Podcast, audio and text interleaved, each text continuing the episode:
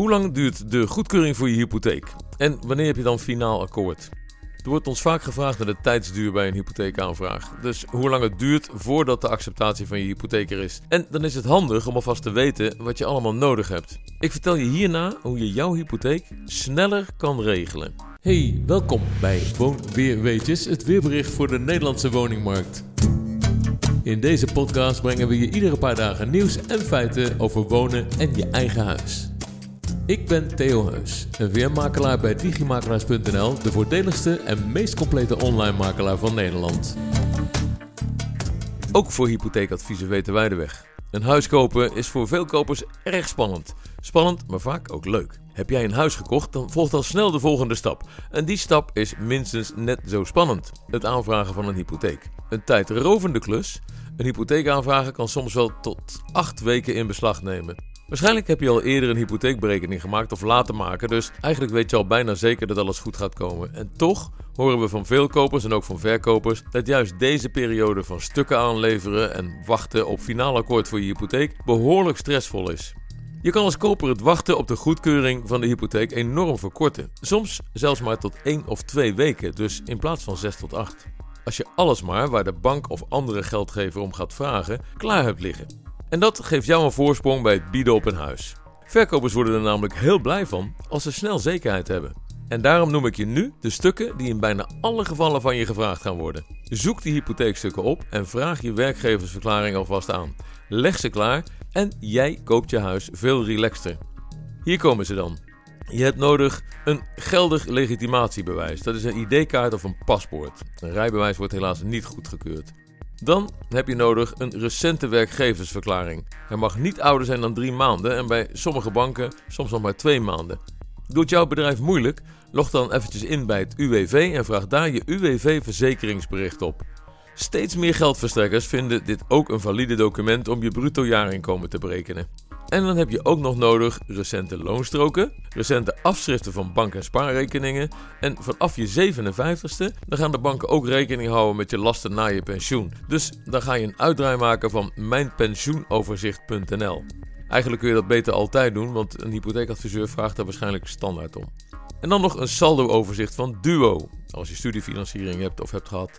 Een overzicht met schulden, leningen en andere verplichtingen. Bijvoorbeeld door een uitdraai van het BKR te maken.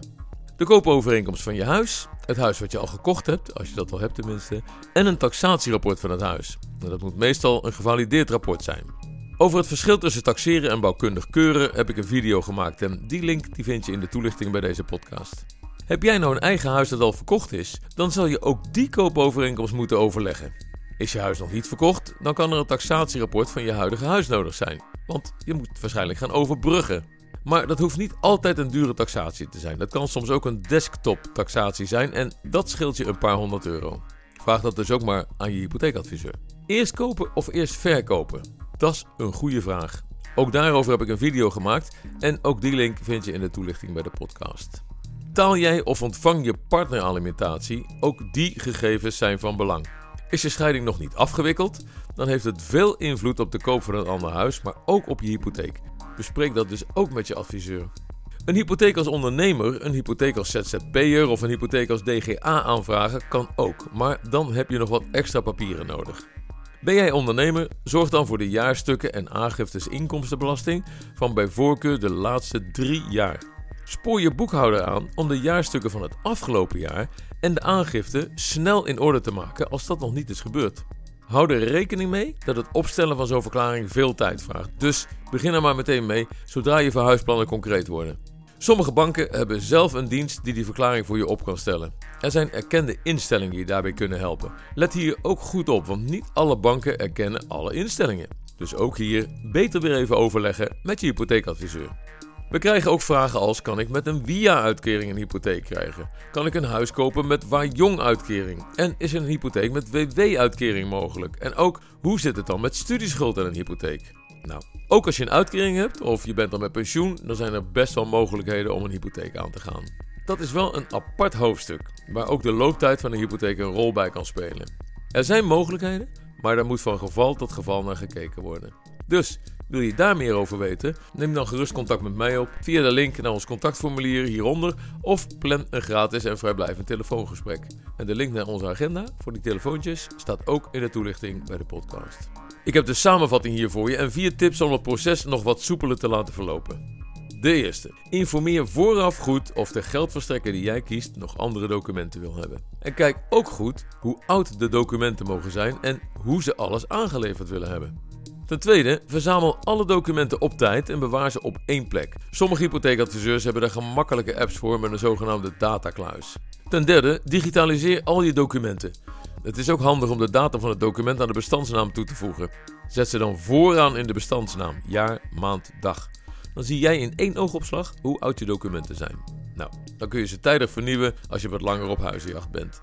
Heb je alles verzameld, vraag dan je adviseur om alles alvast goed te checken. De vierde, mijn laatste en belangrijkste tip. Ga naar een onafhankelijke hypotheekadviseur voordat je een huis gaat kopen.